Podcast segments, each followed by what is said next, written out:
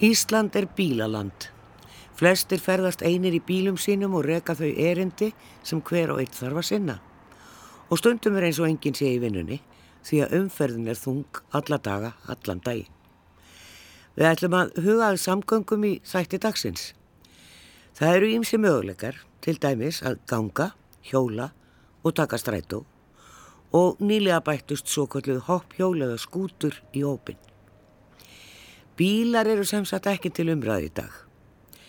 Við heilsum upp á Sindra Frey Áskersson, formann samtaka um bíllausan lífstíl, heimsækjum veðagerðina og ræðum við Bryndísi Freiriksdóttur, svæðistjóra höfuborgarsvæðisins, hjá veðagerðinni og ábyrðabæður borgarlínu. Og Artísi Ólásdóttur Arnalds fórstuðum hann verkefnastofu borgarlínu. Báðar verkfræðingar auðvitað. En við byrjum upp á höfða og hittum framkvæmdastjóra Strætó. Fyrsti aðilin sem við ætlum að tala við í þessum þætti um almenningssamgöngur hér á höfuborgarsvæðinu er eh, framkvæmdastjóri Strætó, það er Jóhannes Svavar Rúnarsson. Og Strætói fluttur hérna upp á Hestháls, það er nú svolítið síðan held ég, þeir voru alltaf í mjóttinni en nú erum við komin hérna lengra upp yttur og þetta er alltaf skemmtilegt að koma yngar því að vagnarnir eru eiginlega á sama svæði og og skrifstofunar og þá maður sér niður á viðgerðapallin og reyndar finnum að svolítið ólíufnig inn á milli maður eh, kemur inn á það svæði. En þetta er þannig að tilfinningin fyrir því hvað, hverju er hér verið að sinna hún er mjög sterk. Hér er verið að sinna strætó. Allir hafa skoðun á strætó líka þeir sem fara aldrei í strætó og segja þessi bara ómögulegir Ég lefði mér að segja, ég þekki það nú aðeins betur því ég er búin að ferðast með strætó núna allavega í fjögur ár, ef ekki fimm. Og, og finnst það bara ágætt, maður læri bara á sína leiðir en auðvitað fer maður ekki í strætó og maður þarf að fara mjög lánt nefnum maður sé bara reynilega að fara upp í sveit og það hefur nú svo sem gert líka. En eins og ég segi það var mikið gaggrínt hér, klappið þegar það kom og það er endalustur að tala um að, að þetta sé reiki með halla, ég veit ekki um eitt einasta samgöngukerfi í, í heiminum held ég sem að reiki með einhverjum gróða, þetta er ekki þannig gróðin er að umferðin mingar og við mengum minna? Eða hvað? Hvað segir Jóni Svavar? Hvernig stendur á því að fólk er alltaf að tala um einhvern hagnað og þetta sé reiki með allt á miklu tapi? Því að ljótuði á nú að kynnt ykkur hvort að það sé virkilega til eitthvað samgöngukerfi í heiminum sem að reyki með hagnaði?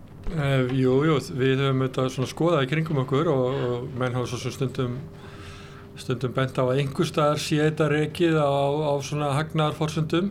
Hér á Íslandi allavega þá er þetta ekki reykið þannig og þó að stræt og skil einhverju sem kallast rekstrar afgangur þá þarf auðvitað að horfa til þess að, að sko sveitarfélaginn og ríkið þau koma með um 5 miljardar á ári inn í reksturinn sem bæinn framlum.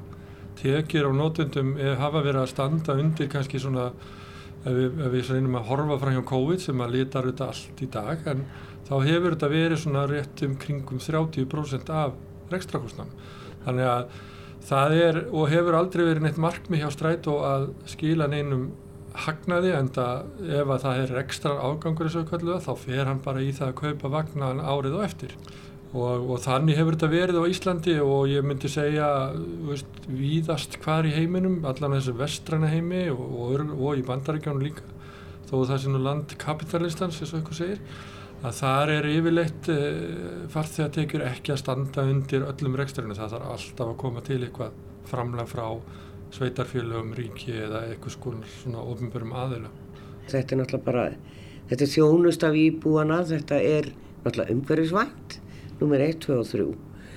En þegar maður hugsa tilbaka, þegar ég er að allast upp þá man ég eftir, sko maður mað fór í stræt og sem krakki það var ekkert verið að skuttla mann eitt eða neitt og ég man eftir leiðum eins og 16 og 17 sem að var Östubær, Vestubær, hraðferð. Mm. og mér finnst einhvern veginn minningin er þannig að maður fór bara út á stöð og stræt og kom, þurfti ekkert að býða neitt voðalega lengi, leið fjögur, haga sund, þetta er svona, ég bjóð vestur í bæ. E, og maður þurfti sjaldan að býða og ég er svona, er maður eitthvað rugglegar í minningunni og manni fannst þetta að vera betri þjónusta, það voru náttúrulega ekki næstuðinsmarkir á bílum á þessum tíma. Mm. Já, það gengur vagnarnir örar á, á þessum árum, segjum 60-70. Nei, ja, svona þegar maður skoðar gamlar leiðabækur þá er þetta bara mjög sambarilegt og var þá. Það var í einhver tíman hérna reyndar held ég eftir 2000 eftir að stræta á stofna. Það var ákveð að fara í tímum tíni en það var sleið mjög snögglega af vegna þess að það var ófjármagnaði sem að kella. En sko Reykjavík, ég var náttúrulega kannski einn af þeim sem tók líka stræta og bara út um allt. Reykjavík var náttúrulega miklu, miklu minni. Þjertleikin var miklu meiri og það var valla byggð hérna fyrir ofan elliðarnar. SFR sem þjónaði náttúrulega bara Reykjavík var miklu nýðari getur sagt vegna þess að það var korki bílar á göttunum en ég er langar leiðir að fara og þá upplýði fólk kannski sko 15. tínuna miklu betur og það voru settar á einhverja hraðleir á einhverjum tímabúndi en, en þær voru kerðu hann á modnana ef ég maður rétt og voru ofta stúr breiðaldinu. Og munurinn á þeim kannski og sem við leiðum í dag þar stoppuðu bara færri stoppustöðu en, en það var engin bíl fyrir þannig að það var alveg hægt að vera með svona hraðleið ef ég setti hraðleið á í dag þá sæti hann bara fastur í umfyrðin á modnana og væri ekkit fljótari heldur en svona hefbundan leiði þó hann stoppaði kannski á færri stoppustöðu þannig að það er svona kannski örglega það sem fólk upplýðir svolítið að þú varst fljótari förum. Þessi ferðatími sem skiptir svo miklu máli og það er auðvitað það sem við erum að horfa á núna með þessu nýju hágæða alminnisamgöngukerfi að búa til meiri sér rými fyrir strætó þannig að hann komist hraðar yfir, ég er ekki að tala um henni að keira hraðar, hann bara komist hraðar yfir, standi ekki fastur í umferð og, og að viðskiptaverðin upplýð þá að þetta sé bara mjög þægilegur og örugur og, og stuttur ferðartími Já. sem skiptir öllu máli. En ég held að enginn, ég man allir ekki, ég er náttúrulega ekki það gammal en ég notaði þetta alveg frá því ég var bara 6-7 ára og alveg upp úr og og ég man ekki eftir að hafa reynið að koma ofta heldur en á 15 minúta fresti á svona almennum tíma sko Já. og svo 30 minúta fresti um, um helga.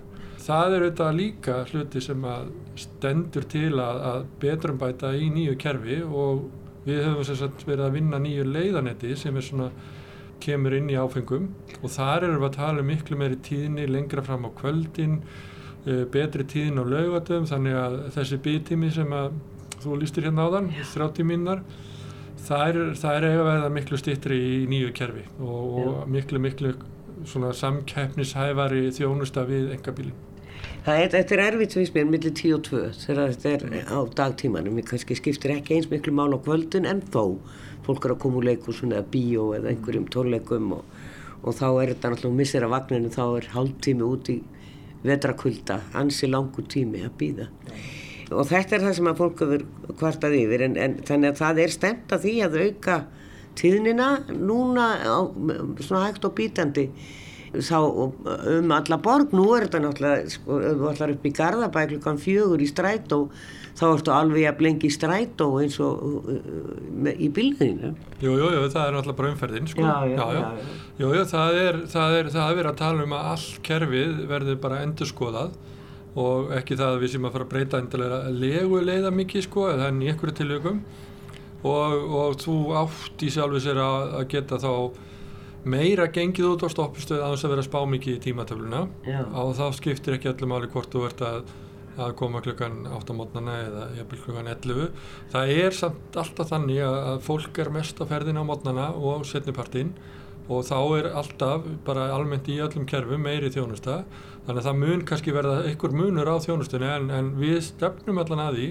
Og það er svona það sem um er rætt að, að það verði meiri tíni allan tíman alla, allan daginn en auðvitað dettur síðan kannski setni hluta kvölds eða, eða sent á um helgar á hálftíma tíni en svona almennt verða þessar stoppleiðir sem að, sem að sumir kalla borgarlinleiðir þær verða á, á töluvert meiri tíðni og heldur en að við þekkjum í dag. Nú ánáttúrulega, sko það er margir sem segja af hverju byrja stræt og ekki að keira eins og borgarlína og hérna og hann gerir það náttúrulega einhverju liti mm. en, en það er náttúrulega engi stræt á söðurlandsbröðinni en austan megin og það er ekki komin einu vagnar þar. En það vantar náttúrulega fleiri svona fríleiður fyrir vagnin maður finnur það alveg þegar maður er að keira miklu bröð þar sem að þeir geta keirt fyrir utan umferð hvers miklu það munar. Og þá hugsa maður til Kópavós, Garðabæðir og Hafnafjörðar þar sem að eru bara eh, þá eru allir bara fastir í umferði Já, ég myndi ég var á fundi út í, í Hafnafjörði með hérna, bæjar yfirvöldu þar og það var slís hérna við Sprengisand og röðin hún náði að enn einum í hafnafyrði. Við tökum þetta kannski svona sem dæma ef við varum að sitja strætó á meiri tíðni á þess að hann hefði þennan þessar sérakrannar þá væri hann bara fastur og við værim svo sem að brenna peningum uh, þeirra sem greiða fyrir hann sem eru mestuleiti bara skattborgarinn hérna á höfuborgsvæðinu að því að hann væri í sjálfu sér, ok, hann kæmi örar en hann sæti bara fastur og þú væri ekkert fljótar í vinnuna, þú þurfti kannski minna að hugsa um það hvernig ættir að fara til stoppstöðuna en það er svona kannski ástæðan fyrir því að við höfum kannski ekki farið eða lagt áherslu að auka tíðnina mikið. Við höfum settur nokkra leiðir á tímun tíni eða tvær leiðir, reynda búin að draga eina tilbaka út af COVID eh, fjárhagsvandræðum En, en það var að virka vel og, og hann náttúrulega sá allan annan vagnin, hann fekk hérna forgang á eins og þú veist að lýsa á miklubrautinni og svo til næstuði neyri bæ. Þannig að það var alveg þess virði að setja hann á tímundinni.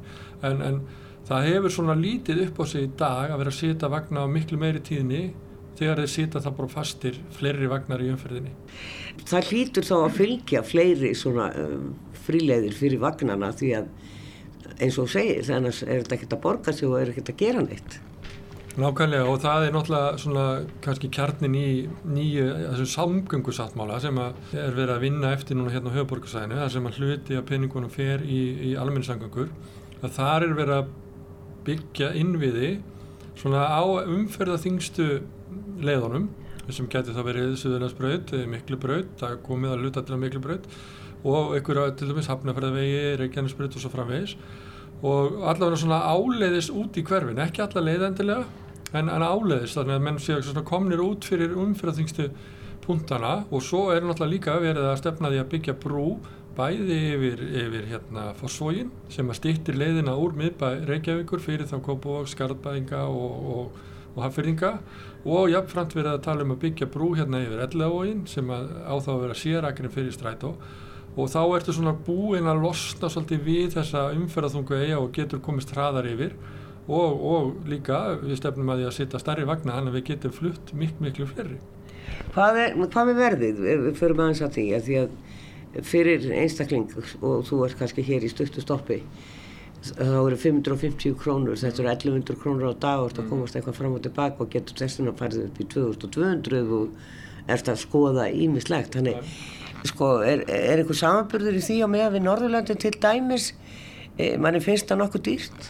Sko, við erum svolítið há í þessu svo kallega stakafargjaldi eða stakgrisli fargjaldi e, en þegar við horfum á svona þessi tímabilskort þá erum við yfirleitt lagri heldur á Norðurlandunum en auðvitað sjáum við kannski örlíti betri þjónustu þar en við erum náttúrulega og tókum í notku nýtt greiðslikerfi sem átti svona erfitt svolítið að hefja flug. Við erum svona bjart sínir á að við séum að komast fyrir með aðstof þeirra sem að selda okkar kerfið fyrir þessa byrjunöðurleika og þá er stefnan að kynna nýja möguleika eh, sem kallast á greiðslug þag eða kapping á, á, á ennsku og það þýðir þá að, að ef þú notar strætóin mjög ótt á dag þá borgar aldrei fyrir nema þrjárferðir ef þú notar hann ákveð mikið í hverju viku þá borgar aldrei fyrir nema ákveði marga daga í vikunni.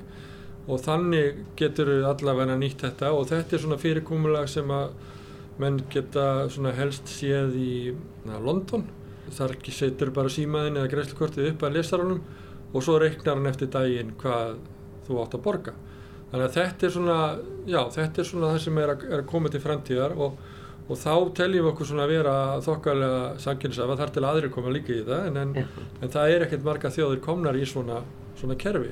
En við erum vissulega, við erum komnir í svona herri kantin með dagafargjaldið það er alveg hárrétt. Já, þetta er ansið dýrt. Og það er nú eins og margir segja það ef þú ætlar að fá fólk til þess að hætta nota engabílin að þá verður það að vera kannski eitthvað meira en, en að hugsa ég er umhverfisvæn mm -hmm. því að þannig er það eiginlega í dag. Þú uh, velur stræt og að þú vil geta vera umhverfisvæn og eða hefur ekki efna og reyka bíl til þess það er alltaf fullt af fólki sem hefur ekkert ráð á því. En, en þetta er meira en kannski bensinkostnaðurinn að keira Sko ég, mér finnst alltaf mjög sérstakt þegar maður er að sko heyra fólk tala um það að, að nú er strætóður svo dýr að ég ætla bara að kaupa bíl og skuttla börnunum hinga og þanga þegar það kostar um 1500.000 að reyka svona bara venjulegan heimilisbíl á meðan að þú getur sko keift þá fyrir 1500 skallin sko ansi mörg árskort þannig að við erum ennþá tölvört langt frá því að vera óhagkamnari heldur en, en bílinn en vissulega er ef þú kaupir og fer bara allra þinn að ferða á staðgræslefargjaldi þá er það dýrara heldur en að kaupa tímbilskortin jafnir þó þú farir ekki alla daga vikunar alla daga mánuðarins í strætó eh, það kostar 9.000 krónur mánuðurinn og ég veit ekki, þú getur kannski fengið eitt þriðja af tanki fyrir það og svo allt hitt, þú keftir bílinn og svo spilar hann og svo tryggingar þannig að við erum langt frá því að vera kannski dýrari heldur en enga bílinn þó svo að við höfum hækkað aðeins gældið. En eh, eins og segir, fólk á skoðan alltaf hvaða möguleikar eru í stöðin ekkert sem að verða tengt í sig bílana, er það ennþá svo? Nei, það er ekki lengur svo leiðis. Við, við sagt, fórum í hérna, verkefni með, með hérna, Zipcar sem er svona deilibílalega og var innifalið þá í gældi hjá, hjá okkur eh, fríminótur hjá þeim en þetta er eitthvað sem við erum ennþá með í hugunum og nýja greiðslikerfi svo ég haldi því nú ennþá til að að það er svona opið greiðslikerfi þannig að við sjáum alveg möguleika á því að tengja þannig að þú getur greitt fyrir allt í því eða tengt það við greiðslikerfi þeirra sem eru til dæmis með deilibíla eða þessar rafskútulegur og, og þannig að þú þurfir í sjálf og sér ekkert að vera með mörg upp eða, eða marga greiðslimíðla heldur getur gert þetta allt í gegnum eitt kerfi en það er svona svolítið framtíðin en, en, mm. en við höfum allan átt samtal við þessi fyrirtæki og þau eru mjög spennt. Svona lokinn, klappið sem að fólk hefur verið að kvarta yfir undanfærið, það fólk var lengi að finna út úr þessu, það voru vandkvæði þegar ég fekk til dæmis ekki samþygt að kennitölu eða símanúmer, það var alltaf, alltaf komið þetta tilbaka svo tókst þetta nú endanum. En ég svona spurði sjálf með því ég hafði bara nota gamla appið með varst á þægilegt. E, af hverju mm -hmm. skiptuðu um app? Maður hefur oft hirt að okkur að breyta því sem gengur vel.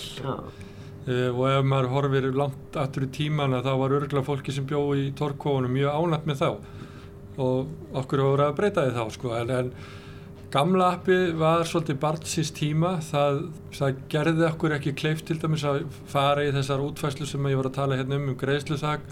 Um, það veitti enga skráningu, það var orðið mjög gamaldags teknilegu högun í því, það var orðið, uh, þú veist þannig að þetta var bara svona að sína vakstjórunum, við viljum svona smátt og smátt fara þá leið líka að fólk ber bara ábyrgt á því sjálft að greiða fargjaldi og síðan verði það bara eftirlismenn sem tjekka á því hvort það svo sé og þetta var eitthvað sem ekki var hægt að gera í nýja appinu. Þannig að við töldum og að það væri að hamla okkur í því að þróa núverandi strætókerfi hér á Íslandi í svona þessa nútímalegu átt sem við sjáum alls þar aðnastar og allir er alltaf að bera sér sama um og, og vísa í hinn og þessi kort sem að getur kæft í Stokkólmi eða, eða Oysterkart sem að getur kæft í London eða hvað þetta allt heitir. Þannig að við erum í fara þessa leið. Eh, það urðu bara því miður pínu litlir svona byrjunar örðuleika sem kom ekki fram í prófunum. Eh, skannarnir hafa reynst erfiðir og, og nú er komin niðurstaði það að þeim verður skipt út á, á næstu mánuðum og okkur er lofa að þá virkir vel. Það er líka svona við erum að taka risastökk. Við erum að stökka úr svona 1940 greiðslikerfi sem að byggðist bara á staðgræslum í peningum og, og svona pappamiðum sem að auðvelt var að falsa yfir í svona ný, nútíma kerfi og við höfum að kannski vannmetið það hvað þetta væri mikið stökk og fólk væri kannski svona erfitt eða lengi að læra á þetta en, en við erum alveg sannferður um það að, að eftir svona tvö ára þá, þá man engin eftir þessum byrjunar vandamálum. Það er held ég að verði að vera svo leiðis. Við erum alltaf með fulla trú á þessu kerfi. Sagði Jóhannes Svavar Rúnarsson framkvæmda stjóri strætó. Þess má geta að það er töluverð útvistun á axtri vagna hjá strætó en auk þeirra keira kynnisferðir og hópbílar vagna innan borgarinnar og Jóhannes sagði það töluverða hagraðingu í ræksturinn. En okkur er ekki til setun á bóði og höldum á fund þeirra Ardísar Ólafsdóttur Arnalds og Bryndísar Freyristóttur verkfræðinga hjá vegagerðinni. Já, þá erum við komin hér upp í Garðabæ og erum svona svolítið að huga framtíðinni þó við sjáum hann ekki þessa dagana og myndum gætnan vilja hafa það þannig að við sæjum meira af blessari borgarlínni eh, en við gerum í dag. Við sjáum náttúrulega, það er verið að laga götur og annað fyrir strætó, þar sem að strætó er á sér akrein og, og hefur smá plás og þá finnum við líka þegar umferðin er sem þingst hverju það munar að strætó er á sinni agræn en ekki inn í miðri umferðinni. En síðan tefst strætó náttúrulega bara jafn mikið og einstaklingar á bílunum sínum því að hann er komin inn í miðja umferðina og þú getur, maður getur verið, verið átt í klukkutíma að komast upp í Garðabæ í strætó á ákveðnum tímum dags. Ég kom nú eins og fín manniska í legubíl hingað uppur og við erum að hitta þær Ardísi og Bryndísi sem er að vinna hér og það var nú sagt við mig þegar ég ringdi og var að bókana Ardísi að þá hvort ég vildi ekki tala við Bryndísi líka því að hún var í eigandi borgarlínu. Og ég fáði náttúrulega og sagði þetta er nú eiginlega bara frétta efni á einhver borgarlínu Bryndís, þú átt hann ekki.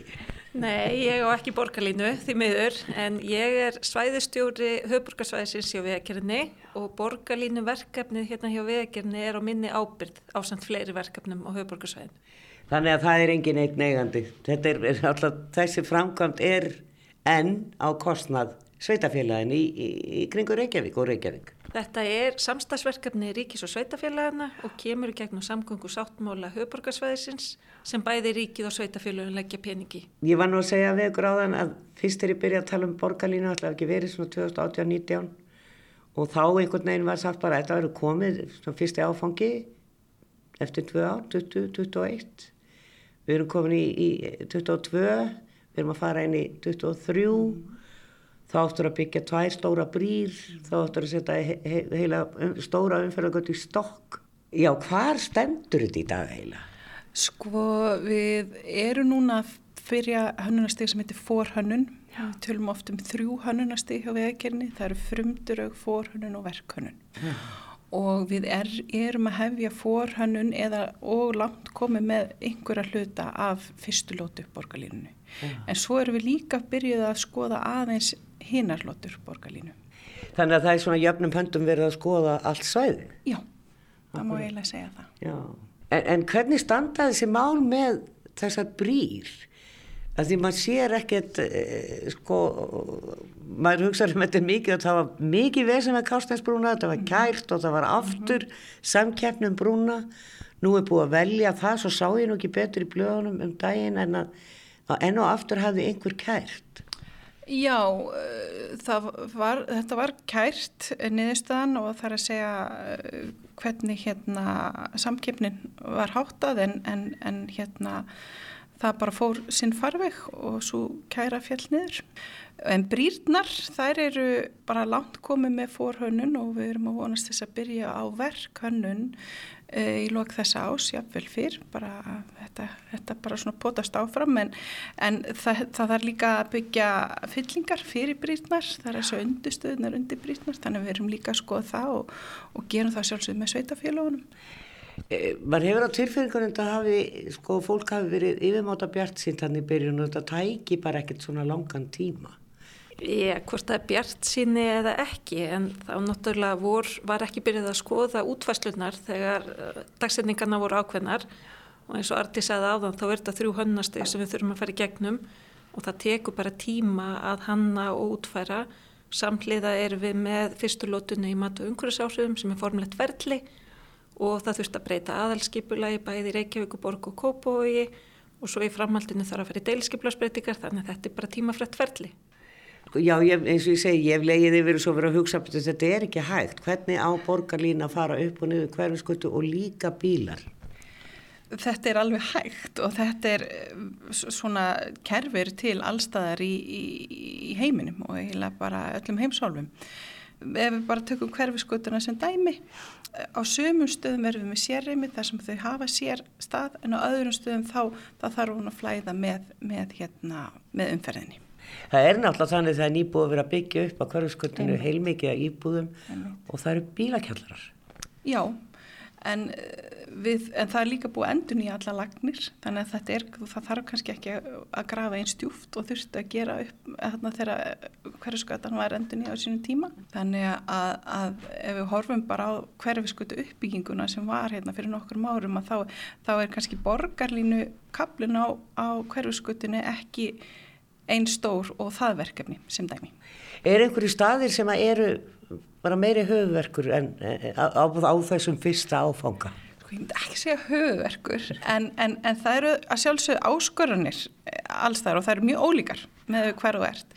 Í ártúnshöðunum þar er, þar er verið að breyta öllu og, og þá er kannski til að auðveld að hanna sér í borgarílinu en svo erum við með stað eins og kásnesi það sem, að, sem að við erum að keira fram hjá húsum fólks og, og, og þar þarf virkilega vanda til verka ja. þegar við erum að, að hanna í kringum eh, sem hefur svona bein áhrif á fólk og svo náttúrulega bara þar sem að eh, svo erum við með staði eins og hérna með bæinn og og Suðurlandsbreytina sem er mjög mikið af, af fyrirtækjum og það þarf að tryggja að viðskipta vinni þeirra og, og, og fólki sem vinnur á þessum vinnustöðum greitt með að komast í vinnu og, og svo, svo líka bara þessi framkvæmdafasi. Þetta verður náttúrulega umrótt á meðan á framkvæmdu stöndur þannig að mm. þetta er allt sem við erum horfa á núna. Hvernig er besta leiðin til þess að, að ná þessu fram? Já, ég get ímynda með það að það er einhvern veginn fyrir svona leikmanni sem við þá bara segja, uff, þetta er erfitt, en, en ég samt trúi að borgarlína komi einhvern tíman, og, en við erum ekkert að tala þá um að hún sé að koma 2023. Nei, hún kannski kemur ekki 2023, en eins og segir, hvernig borðum maður svona stóra fílum að búta það niður? Og það er í raun það sem við erum að gera og við ákveðum að skipta fyrstulótu borgarlínu í tvent. Það er að segja við fyrir frá Hamraborg og upp í Háskóla Íslands og þar með eru við líka ná að dekka þessu staðistu hérna, vinnustæðlandsins eins og landsbytalegin og háskólan og tvo. Þá eru við að tala frá Kásnessinu og, og, og hérna niður í miðbæ og, svo, og það verður tilbúið byrjun ást 2026 svona eins og það lítur út núna en, en tímalínur eh, við náttúrulega erum alltaf endur skoða og, og skoða hvort þetta gangi upp. En eins, eins og þetta lítur út í dag þá ætti það nú að, að passa en svo er það setna áfengin og þá eru að tala um hérna krossamýratorg hérna ártúnsauðin og, og niður í miðborgina. Og þá erum við að horfa á 2007 og þarna erum við líka, þurfum við að hérna, stilla við sæbröðastokkin. Hann er einmitt hérna unnin, innan hús og, og verkefnstjóri hans bara situr eiginlega næstu við liður á mér þannig að við náum góðu samtali og, og reynum að stilla saman strengi. Sko, nú hef ég talað við Solveig Berg, arkitekt hjá Yrki, því að hún er í hópi þeirra Já. sem er í þessari hönnun. Mm -hmm. Þið eru verkfræðingar, og þetta er náttúrulega nummer 1, 2 og 3 mikið verkfræði efni í rauninni Já. að koma þessu fyrir. En hvað eru þá þessir arkitektar að gera? Sko, er það, það útlýtshannun eða hvað? Já, það er í raun uh, kannski uh, því að þetta er á yfirborðinu, við, við sjáum það sem er yfirborðinu og, og, og, og það þarf að vera enginandi hver þú ert á borgarlínun og hvort sem það eru brautaballarnir sem þú stoppar eða, eða um, umhverfið í kringum þar að segja meðfram hérna séríminu. Bryndís, ég veit að þið voru úti núna bara fyrir nokkur dögum og, meðal annars í Kaupmannhöfn. Hvað voru það að skoða þar? En við vorum nú aðalega í Álaborg. Já, að, það er svona svipiborg. Já, það er svipiborg og við erum í og þeir eru að byggja sína borgarlínu og mikið af erlendur aðgjónum sem er að vinna með okkur í okkar verkefni hér hafa komið að því verki. Þannig að við vorum að hitta eh, kollega okkar í Álaborg og læra af þeirra reynslu. Hvað eru þeir komni langt og hvað er það búið að taka langan tíma? Eh, þeir eru komnir ansi langt, með minnir að þeir hafa alltaf opnið þetta næsta sumar, sem sett klippa borðan og láta vagnarna fara að keira. En þetta er búið að vera nokkra ára vinna hjá þeim, bæði hönnun og undirbúningur, 6 eða 7 ár. Maður gerir þetta ekki á einu degi. Enga veginn. En við einhvern veginn glemtum strætó bara e, eftir að fólk fór almennt að eigna spíla og bara einhvern veginn letum maður bara danga. Mm -hmm. og það er bara börn sem taka strætó og einstakar gamalmenni. En, en hérna við erum að sjá það í dag að það er bara það er fyllt af fólki sem tekur strætó mm -hmm. og þó að þetta sé ekki gróða fyrirtæki er hægt að koma í þannig við að strætó fara að ganga já það er það sem, það sem kannski það sem fólk hvarta mest yfir svona í nútíman þeir sem er að nota vagnana mm -hmm. það er að þeir fara á hálftíma fresti fram, rétt fram yfir hátdegi frá klukkan tíu á mótnana og síðan náttúrulega setni part mm -hmm. á mhm. kvöldin þá er þau líka aftur á hálftíma er hægt að hafa er, er hægt að tengja þetta einhvern veginn þannig að vagnarnir byrja að ganga eins og borgarlína mun ganga Já, í rauninni sko grunnurinn að þessum breytingu sem við erum að gera með borgarlínu núna á upptöksinn í breyting og leiðakerfi sem strætu og búin að vinna það núna í 2-3 ár. Þannig leið og við erum búin að byggja það sem við köllum innveðina sem eru þessi sérrými fyrir borgarlínu þá mun stræt og fara að nota þá þó að borgarlínu vagnarnir sé ekki komnir. Þannig við erum að tengja saman þeirra framtíða sín hvernig kerfi þeirra á að virka við það sem við erum að byggja upp. Hvers konar vagnar eru þeir að nota þannig Álaborg? Heru, þeir eru að nota ramasvagna sem eru með svona tveimur leiðum. Það er svona eins og harmoníkuvagnir sem við sjáum stundum og leið eitt hjá okkur er svona einsliðavagn en þeir eru með tvekkilegavagn og það er í grunninn svo gerða vögnum sem við erum að hanna fyrir en svo kemur í ljós hvað við þurfum að byrja með stóra vagna þegar, byrjum, þegar stræt og byrja raksturinn. Nú eru vagnarnir okkar doldi stórir og, og þeir eru með sæti begja vegna í, en, en gætnan sér maður allavega í Kaupmaröfni ef ekki komið til Álaborg og það er þetta náttúrulega metró að þá er ekkit voðalega mikið að sætum. Það er ágætið sér ími til þess að standa og það eru náttúrulega ekki raðahindranir og eitthvað sem er að láta vagnin hoppa og, og bremsa og bremsa en hérna þannig að maður finnur ekkit fyrir því. Maður getur alveg staðið er mjókaði sér vagnar sem við erum að hugsa um eða hvað? Nei, ég held að í grunnir þá eru þeir svipaðir og vagnarnir sem við þekkjum í dag. Þeir, þeir eru lengri. Mér skilst að, að, að þetta sé í raun bara valrekstraðalagans sem kaupir vagnarna hvað þið vilja hafa mörg sæti. Oft eru tekin svæti til þess að fá koma meiri fólki fyrir í vagnana. Líka að þau ætla að hafa hjól í vagnunum, það er mjög mikil hjólamenning í Danmarku eins og við þekkjum. Þannig að, að hér, þetta eru að einhverju leiti sambarleir vagnar en, og við þekkjum nema bara þetta eru liðavagnar. Þú finnur kannski ekki eins mikið fyrir því þau, þau keira mjög jöfnum hraða, það er ekki mikið um beigur þannig að upplifun viðskiptaðinans í vagnunum er mjög góð það er það sem maður kannski upplifir ekki í strætusvægnum hér á höfuborgarsvæðinu því að þeir eru náttúrulega farin í hverfi og það verður áfram þannig að vagnar sem að er ekkert allir borgarlína, þeir eru bara að fara inn í hverfin. Já, passar. Leiðakerfi, hérna strætómun aðlast að leiðakerfi borgarlínu þannig að, að, að þau, þau, þau tengja speitin í hverfið og tengja síðan borgarlínu og þar erstu með tölur tíðari ferðir og, og, og, og það er áraðarleiki náttúrulega mjög mikill þegar maður kjör á stað. Nú erum við að tala alltaf um ártúnshafðan sem verður mjög þjættbílt svæði, kannski eftir 10-15 ár, þegar allt verður komið þar mm. og e, þá hafa nú margir nefnt það, byrju fólk þarf að komast að borgarlínni og hún er þarna á Krossmýratorki sem er náttúrulega bara siðstegila í, í hverfinu. Mm þá hafa nú margir sagt á ekki að vera bílastæðahús því að fólk er að koma, það er ekkert að ganga þetta allt, þetta er alveg kannski þrýr, fjórir kílometrar og jáfnvel meira. Þá hefur verið talað um bílastæðahús við stöðina. Er það eitthvað hugsað strax eða hvernig er það?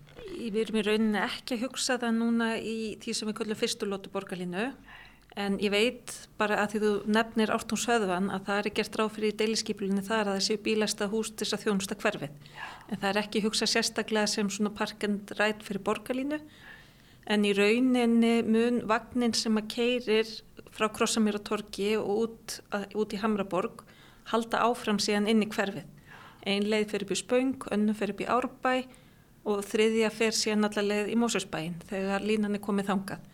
Þannig að þetta er ekki þessi sko borgarlína keirir ekki frá Hamraborg í ártúsöð og snýr við og er svona eitthvað lúpa þar á milli heldur heldur hún aðeins áfram til þess að veita farþjónum betri þjónustu í raun og veru. Þetta er langtíma verkefni. Maður hugsa bara ég ætla að vona í lífið og ég eftir að ferðast með borgarlínu því að ég ferðast í strætó og, og ég er bara mjög spennt fyrir því. Á ég eftir að gera það? Já, það hugsa ég. Já, já, ég hef komin aðeins veldur en, en, en hérna, þannig að þú regna með því að ég ná að því. Ég er full að trúa því, já. Já, já. Kanski svona í lokin í Álaborg, hvað sem þið voru já. að skoða, var eitthvað sem kom ykkur á óvart eða eitthvað sem var sérstaklega spennandi þetta, kaupið við þetta að nota? Það sem að koma óvart var uh, hérna hvernig þið leistu sem mál og, og, og, og voru þetta aldrei svona bara praktísk og jörðinni með, með hérna viðfangsefnin. Þetta er í, hug, því, í hugunum er maður alltaf með þessa liðavagna þegar maður horfar á borgarlinnuðuna og þau eru með þarna mjög nú þegar er sko strætókerf þeirra bara sprungið, þess vegna eru þau að fara í, í, í þessa vegferð.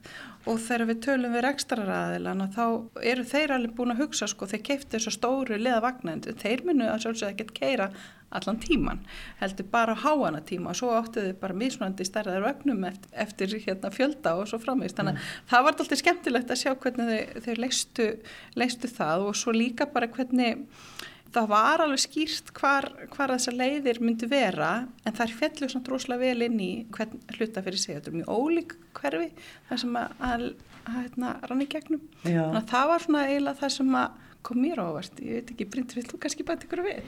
Ég, það verður alltaf líka verið svona eldri hverfi eins og miðbæran okkar sem er þröngur og, og, og, og nú eru konar göngugötur og verða jafnvel fleiri. e, þannig að það er alltaf, maður fyrir upp í leiðubíl og þurfa bara að mala í eirna á manni hvað þetta er ræðilegt allt saman en hérna fólk skulle þurfa að ganga og vilja það og að strætó þurfa alltaf að vera fyrir en, en sáu þið þetta í svona eldri hverfum álaborgar? Já, maður sá þetta í miðbænum í Álaborga. Það er búið að búa til göngugötur og líka bara hjólagötur. Það er verið að forgámsaða fyrir alminni samgöngur gangand og hjólandi og það var þetta kannski sem maður var að horfa svolítið á hvernig nærmar þessum samgöngum átum á þess að þeir lendi miklum konflikt ef maður fær að sletta þess. Já. Bara hvernig gerum við þetta örugt og hagvend. En það er ekki þá ekki lestakerfi í Álaborg? Ekki inn í bænum, nei. Eh, í Stokkólmi var þetta tekið í gegn og er svolítið ennverðið að vinna því að búið að taka mörg ár og þeir eru búin að endur nýja stöðuvar, þar stóra stöðuvar og, og ég held ég að tekið fimm rúlustöða niður í Stokkólmi til þess að komast í lestina sem átt að fara bara þarna í hálf tíma í, í, í norður. Ótrúlega flott og alls ekki maður gæti andað og allt maður fann ekki fyrir því að maður verið að fara svona langt honni í jörðina. Danetnum voru líka að gera metró sem að reynda að keiri líka ofan jörðar en er, og það er búið að taka einhver 15 ár fyrir þá að koma því upp. Þannig Álaborg sem er nú alveg þokkalega stór borg hvað búa margir í Álaborg? Ég er ekki alveg veist held ég bara sé bara stærra gráðu hjá okkur kannski 300.000 eða aðeins stærra en Reykjavík eða Hauðborgarsveið margir hafa minnst á Þrámtheim sem var svona svipað borg og okkar. Hafiði skoðað víðar en en, en þarna í Álaborg? Sko ég byrjaði bara núna í februar í verkefninu þannig ég hef skoðað Álaborg og svo skoðaði, skoðaði ég líka Nants í Fraklandi sem eru með mjög flott svona borgarlínu kerfi þannig það er það sem ég er búin að sjá en ég, mér skilst að Bryndis er búin að sjá aðeins meira.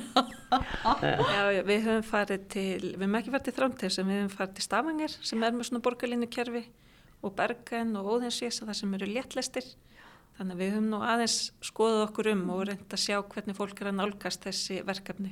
Þetta fólk er, sem að býri þessum borgum, það er kannski vanar en við að nota almenningssamgangur. Mm. Við hér bara, viljum bara meira plás fyrir bílinn og, og það er sama kom að segja það ofta er ekki plás. Mm -hmm. Bara í vegakerfina hafa alla þessa bíla. Var fólk að nota samgangurnar eh, sem að þið voru að skoða, nýja borgarlínu í Álaborg? Sko eins og segja, hún var í raun ekki þau klipp á borðan í, hérna, í sumar. Þannig að, að en, en júst, almenni samgöngur eru eins og ég sagði það það var sprungið hjá þeim. Og, og, og það má ég lega segja það sama með Nans að þar voru alltaf vagnarnir svona tiltölaða fullir myndi ég halda. Og, og þetta, því þetta er e, veist, þetta er okkur lífskeiði að hafa svona hérna, kerfi til staðar fyrir fólk Sögðu þær Ardís Óláfsdóttir Arnalds og Bryndís Freyristóttir verkfræðingar hjá viðagerðinu og borgarlínu. Og þá eigum við eina heimsókn eftir og höldum til Reykjavíkur aftur. Já, svo er nú eiginlega bara spurningin, kannski er bara best að hjóla eða ganga. Þá þarf mann kannski ekki að fara í ræktina, spara peningu það. Og í rauninni, bara kostnæðurinn er góði skór og semlegt hjól og margir hjólorði á veturna líka. Þannig að uh, það er einleið til eru samtök um bíllausan lífstil þar er Sindri Freyr Áskeirsson formaður og við erum komin hérna á hans vinnustad sem er hér hjá AFS á Íslandi. Skiptunema samtök í skipholti 50 og við ætlum að heyra í Sindra. Hvenar sko þessi samtök er ekkert mjög gömul Nei, þau eru stopnuð eh, í kringum hrunið. Eh, það er talað mikið um það á sín tíma að hérna, á meðan allir voru að reyna að safna sér fyrir, fyrir nýjum BMWF þá voru einhver einhverju förðufuglar á hjóli að hjóla hérna með frá Miklubraut en þau eru stopnuð já, um, í, í, í rétt, rétt fyrir hrun svona 15-16 ára gömul Já, já, þó það. En, en það er náttúrulega, það er margt breyst í borgarlandinu og bara í bæjanum í kring, höfuborgarsvæðinu, um möguleikana að vera á hjóli. Klálega og hérna, við tölum alltaf um þetta sem bara stanslöðs og sigrað þótt að við tölum um það að það sé ekki, við séum ekki komin á þann stað sem við viljum vera í, í þau, þeim umbreytingum í borginni þá hefur alveg ótrúlega margt breyst og ég held að við áttum okkur ekki á því hvað borgin hefur breyst rosalega mikið á stundum tíma en þetta er að færast í rétta átt þó, að, þó ekki nósi gert Nei, það er náttúrulega svæði þegar sem er erfitt að hjóla. Klálega, en, en með, með uh, nýjum áallunum og hjólriða áallun og, og öðru slíku þá, þá eru að færast í rétta átt Það er nú loða svolítið við bílstjóra hér á Íslandi marga hverja sem að líta á sig sem bara ég vil vera á mínum bíl og ég er kongur á mínum bíl mm. að þeim er, já þeir eru eiginlega nöpu við hjólræðan.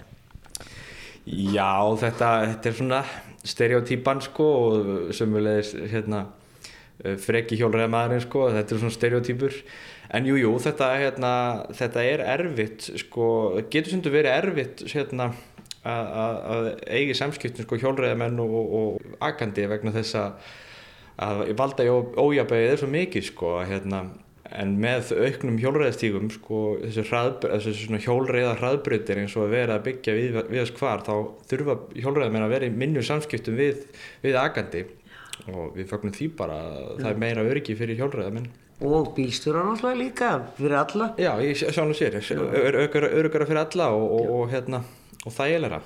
En það má nú segja að þeir gangandi þurfum snundum að vara sig og það eru komið fleiri hjól á göttuna og maður þarf að passa þau líka.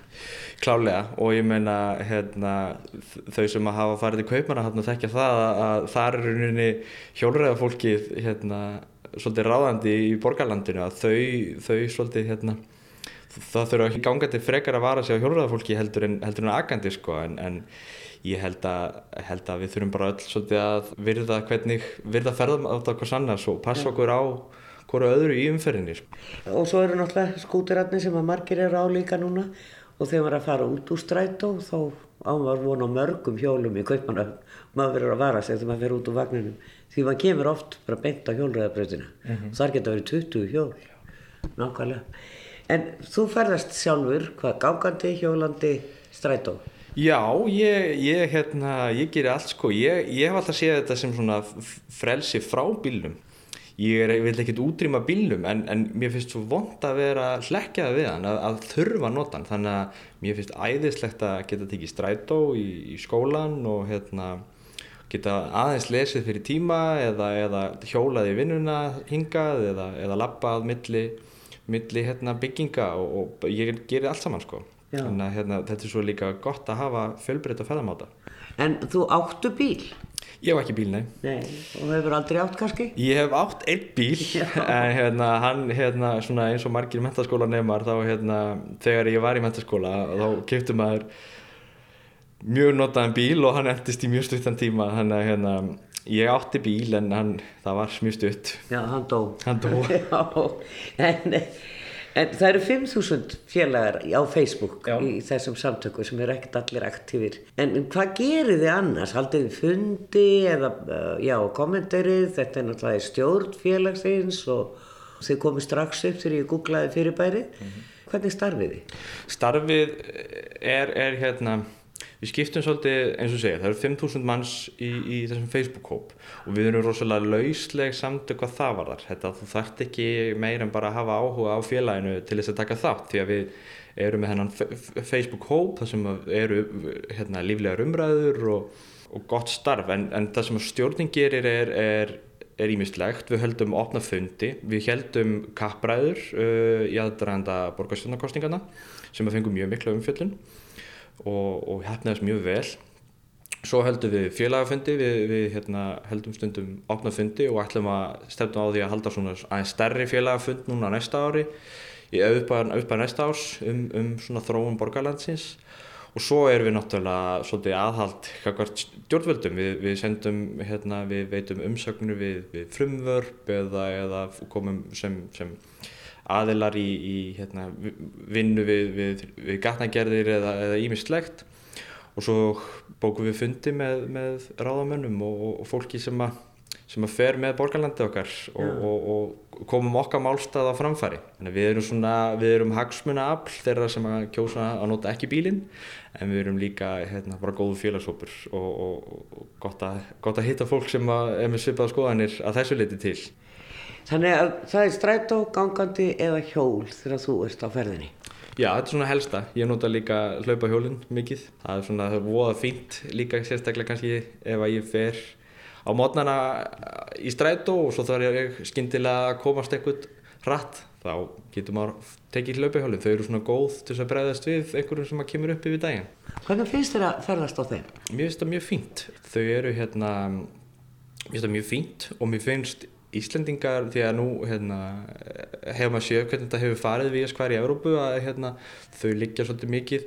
Og þó að þessar kvartanir hafa komið upp á Íslandi að þau eru svolítið fyrir stundum þá er þetta miklu skarra heldur en við skvar í Európu og ég held að það stafi af því að fólk er rosalega hrifið af þessari lausn og vill að þessi lausn gangi og, og vill að ríki sátt um þetta sem ég held að geri að mestu liti og þetta er góð lausn svona eins og ég segi svona skindilausn, maður þarf að komast rætt á milli staða og þá getur maður tekið hlaupahjóli, það er náttúrulega engin, engin trafíka umferð í henni sko. En svo ég spurði þig hvernig finnst þér strætóvirka? Það er stórtið spurt. Ég, hérna, ég óskað þess að streyta gangi vel.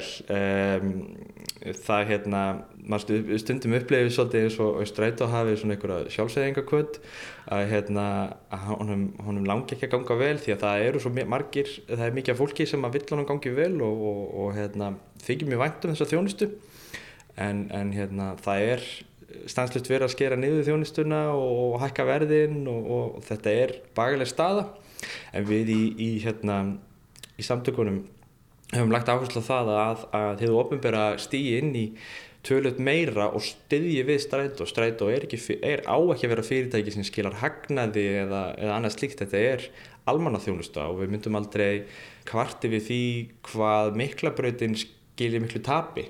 Þetta er bara almannaþjónusta, alveg ákvæmlega svo strætó. Þetta á að vera þjónusta sem að stendur fólk getið bóða þannig að hérna það er svona okkar, okkar áherslur núna að þið ofinbæra stiðji betur við strætó því að þetta er þjónusta sem getur verið rosalega góð en hún er ekki alveg nógu mikið núna. Saði Sindri fyrir Áskilsson hjá samtökum um bílausan lífstíl og vonandi eru hlustandur einhverju nær um almannaþjónustu á höfuborgarsvæðinu og enn finnst mér borgarlína mjög spennandi þó svo að við sjáum ekki mikið til hennar enn. En vegna strætó Þá hefur fólk kvartað yfir fáum sölustöðum klappmiða en inn á heimasíðu klappið.is er hægt að sjá hvar sölustöðir eru og svo er það auðvitað bara appið. Verðið sæl að sinni.